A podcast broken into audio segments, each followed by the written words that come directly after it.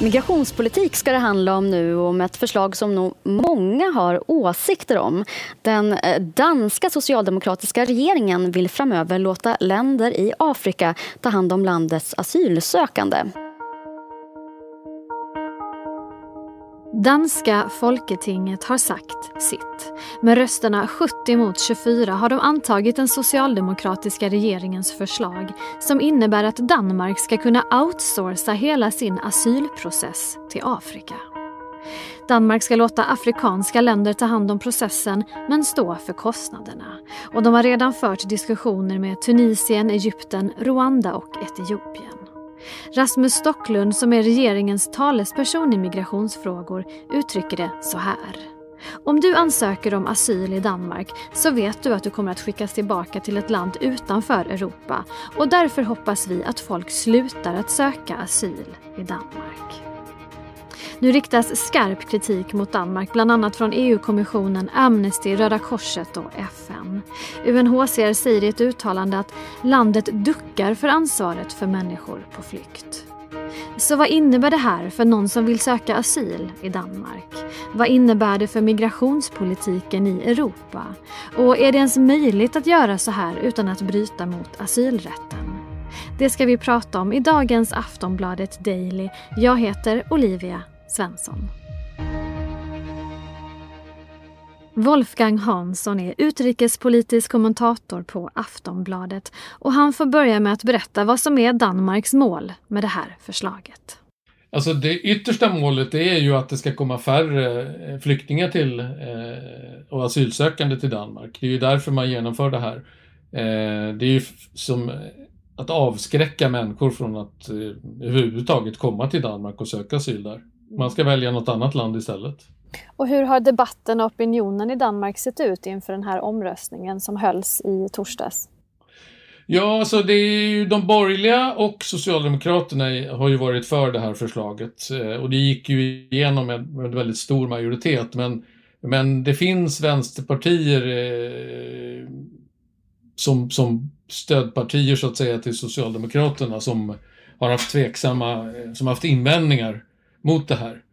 Ehm, så att det har inte varit total enighet eh, runt det, men ändå eh, ganska stor majoritet.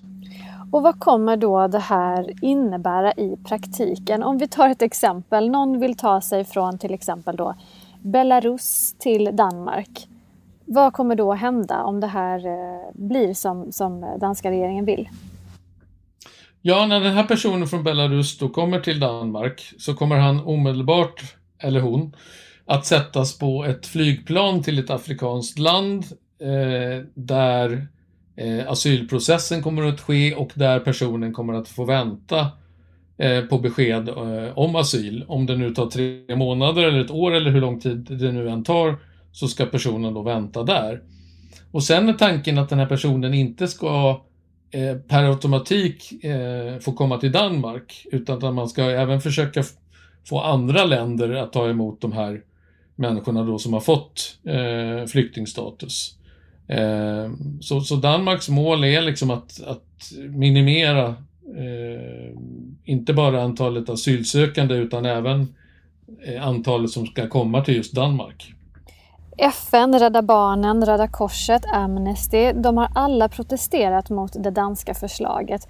Vad framhåller de som särskilt allvarligt?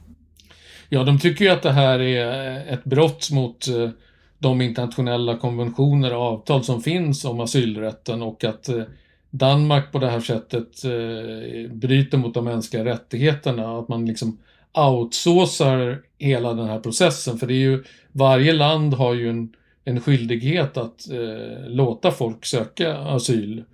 Eh, om de nu vill göra det. Eh, och det här, här så att säga så, så lämnar Danmark bort den här rätten till något annat land. Eh, det som är lite speciellt med det här är ju att det finns ju ännu inget land som Danmark har något avtal med. Så att i nuläget så är det ju inte så att eh, eh någon som kommer till Danmark och söker asyl kommer att skickas vidare. Eh, därför att först så måste det ju till ett avtal med något land i, i Afrika eh, som accepterar att eh, fullfölja den här rollen för Danmark. Och mot betalning då naturligtvis. Det är ju, Danmark kommer ju då att betala för det här asylcentret och för hela hanteringen och så vidare. Eh, men, men som sagt, det finns ännu inget avtal med något land. Man har diskuterat med Rwanda exempelvis och även Tunisien, Egypten och Etiopien har varit på förslag men eh, ännu finns det inget avtal. Ett av den danska regeringens argument för ett sånt här mottagandecenter då som de vill etablera någonstans i Afrika då har varit att asylsökande ska inte behöva ta sig till Danmark via några farliga vägar då, till exempel över Medelhavet. Eller att de ska inte riskera att de ska anlita någon människosmugglare och så. Vad säger du om det argumentet? Ja, det haltar ju ganska betänkligt med tanke på att eh, människor kommer ju inte att kunna åka till det här asylcentret direkt och söka asyl. Så att om du, om du är, exempelvis, du nämnde det här belarusiska fallet, om man nu är belarusier och vill söka asyl i Danmark och åker till exempelvis Rwanda, om asylcentret ligger där, eh, och söker asyl, så kommer man inte kunna göra det, utan du måste fortfarande åka till Danmark för att kunna söka asyl. Så det innebär ju att alla de här människorna som nu exempelvis tar sig över Medelhavet kommer till Danmark och söker asyl där, de kommer ju fortfarande vara tvungna att göra det. Eh, även om de sen då kommer att skickas till något land i Afrika för att vänta på asylprocessen. Så att eh, det argumentet haltar ju verkligen kan man säga. Det känns som att det hade varit bra med lite siffror här. Hur ser det nuvarande flyktingmottagandet ut i vårt grannland Danmark egentligen? Ja, 2019 var det för första gången fler flyktingar som utvandrade än som invandrade till landet, närmare bestämt 730 personer. Pandemiåret 2020 registrerade Danmark 1527 asylsökande. Samma år beviljades 600 personer asyl. Sverige tog samma år emot 12 991 asylsökande. 10 409 beviljades asyl och 29 486 människor fick komma till landet med så kallad familjeanknytning. Hur kommer det som händer i Danmark nu att påverka migrationspolitiken i resten av Europa? Kommer fler länder att följa Danmarks exempel? Vi hör Wolfgang Hansson igen. Ja, eh, även om de inte vill följa det så finns det ju en risk liksom att eh, det är så här det kommer att bli i framtiden om nu danskarna lyckas eh, med sitt experiment eller vad man ska kalla det. Därför att vi ska ju komma ihåg att eh, eh migrationspolitiken och flyktingpolitiken är en av de mest destabiliserande frågorna för EU-länderna därför man är så otroligt oense om hur, hur frågan ska hanteras. Eh, och det gör ju att eh, om, om Eftersom det, det, är väldigt få, män, få länder som vill ta emot flyktingar och vill, vill man ta emot så vill man bara ta emot ett fåtal och det innebär att trycket på att eh, alla människor som vill komma hit är mycket större än vad, vad Europa är berett eh, att ta emot. Och då blir det naturligtvis väldigt frestande att använda den här typen av lösningar som så att säga eh, per automatik då blir en, eh, en avskräckande faktor för de som försöker ta sig till Europa. Eh, så jag, jag är fruktar att det här mycket väl kan bli framtiden om det är så att danskarna lyckas. Ja, och EU har ju redan ett avtal med Turkiet som rör eh, migration. Kan du berätta vad det går ut på? Ja, och det är ju lite grann, eh, det är inte lika extremt som det danska eh, förslaget är, men det är ändå e, ett sätt att låta, att så att säga utsourca eh, flyktingmottagandet. Och man har ju sedan 2016 så har man ju, e, eller förlåt, 2016 så har man ett avtal med Turkiet som går ut på att EU betalar Turkiet en massa pengar. Hittills är det 6 miljarder euro, ungefär 60 miljarder kronor eh, för att man ska hindra flyktingar att ta sig ifrån Turkiet in till Europa. Eh, och vi vet att det finns ju någonstans mellan 3 och 4 miljoner flyktingar i, i Turkiet som väntar där, i hopp, många i hopp om att ta sig till Europa. Eh, och då betalar EU de här kostnaderna som det innebär, eh, uppehället så att säga för de här flyktingarna i Turkiet, mot att Turkiet eh, stoppar dem från att ta sig eh, mot Europa. Och det är ju på många sätt är det ju lite samma sak som, som det, det, det Danmark också vill göra. Eh, och det finns också ett annat exempel i, i, Australien. Där har man ju sedan länge haft just det här systemet där man har eh, Papua Nya Guinea och Nauru, eh, två önationer som eh, där man, där, dit alla flyktingar förs som tar sig till Australien och där de får sina asylansökningar prövade. Och sen får ingen av dem, även om de får asyl, får ingen av dem komma till Australien utan då är det andra länder som eh, tar emot dem. Eh, och det påminner ju väldigt mycket om det danska systemet. Men om nu land efter land, även då i Europa, stänger dörren så här sex år efter den här stora flyktingkrisen som vi var med om. Vad kommer det att innebära för människor på flykt? För det är ju inte så att konflikterna i världen har blivit färre sedan dess. Nej, nu, nu har vi ju enligt de senaste siffrorna så är det ju 80 miljoner människor runt om i världen som befinner sig på, på flykt.